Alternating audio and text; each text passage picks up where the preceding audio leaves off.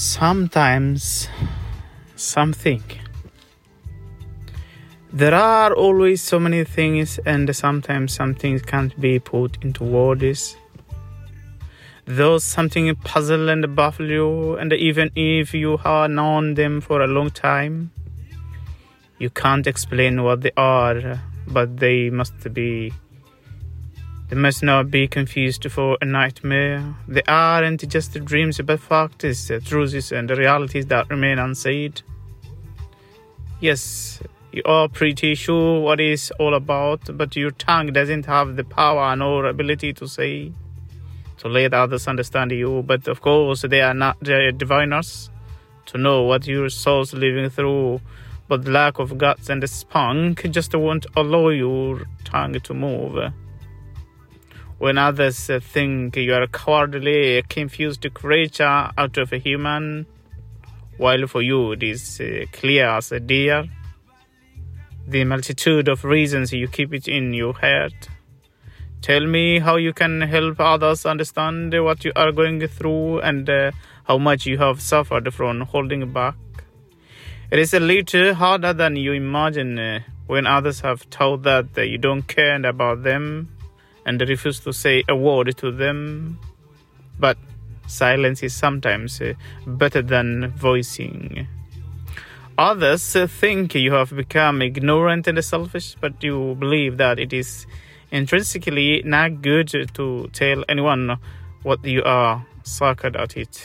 And you think you don't have powerful and efficacious words that are adequately express for you. You can see what your nearest and dearest cannot see, so that you let the bunch of indecent indecencies bite you as if it is nothing. And suffer and that but uh, those who are care but uh, those who care about your pain and emotions you forbid yourself to tell uh, to explain uh, and they remain yearning for understanding some things are far too strange to tell and you will surely lose someone who doesn't have the patience uh, with how you recklessly behave and refuse to explain but you know very well a word out of you is a risk for someone to be hurt and damaged. If you were me, would you go do such a thing? Could you have the power for such forces, or you would keep resisting and uh, have the pain? I may some understand you, the mourning on your heart, the responsibility you take on, the secret you bore inside you for the sake of others. How can you tell and share such things when others cannot do, cannot put themselves in your shoes? To understand how you are broken and how much your shoulders are weak to carry the burden, how your feet shake and cannot carry your weight. How dare they understand you when they don't seem to care? Yes, you are entangled in something that uh, weighs enormously, but it's difficult to take apart. Could you imagine if you had never been in a such situation?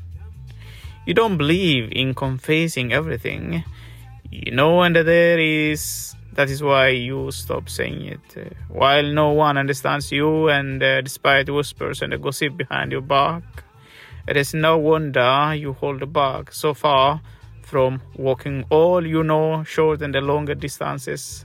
There are things you just carry with you entire life and there are times when you prefer not to speak louder, when you believe that silence itself can speak much more louder, but concede that inside you are not doomed and instead have a bright hope for tomorrow.